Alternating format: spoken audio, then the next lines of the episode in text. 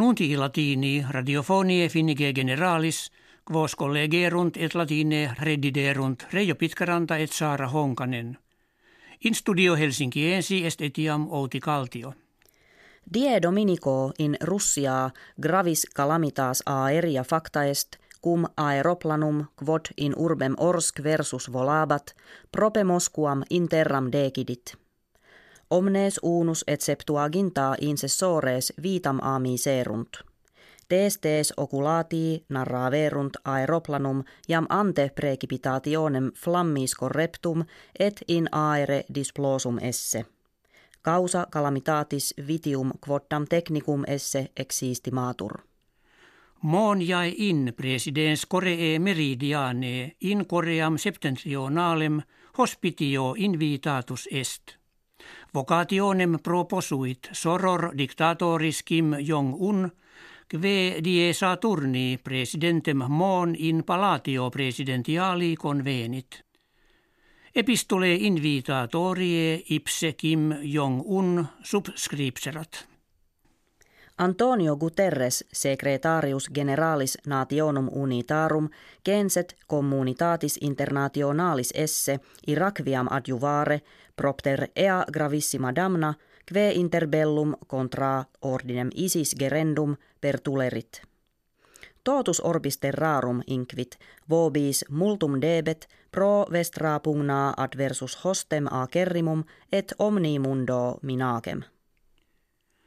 In Britannia custodes publici tres viros deprehenderunt quos de ducentis hominibus in servitute tenentis suspectos habent.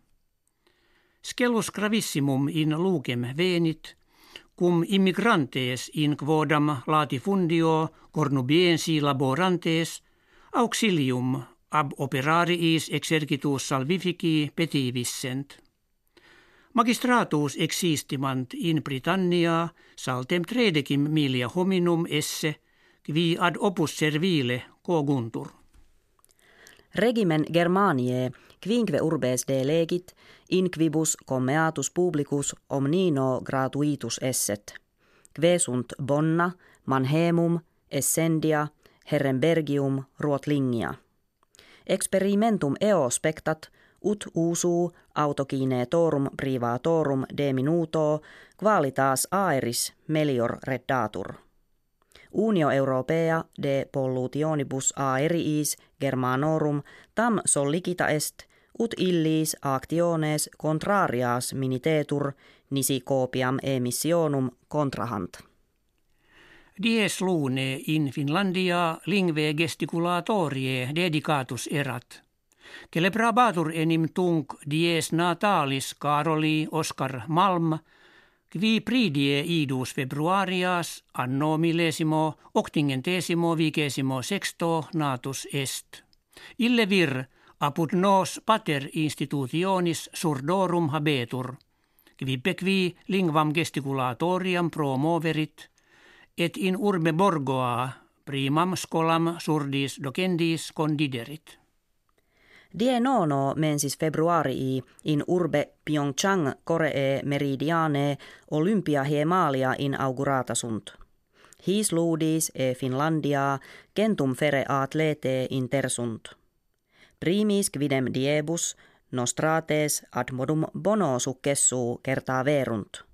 Krista Pärmäkoski in scridatione feminarum jam duo nomismata aenea sibi congiliavit – et Enni Rukajärvi in kertaamine slopestyle appellato itidem locum tertium consecuta est.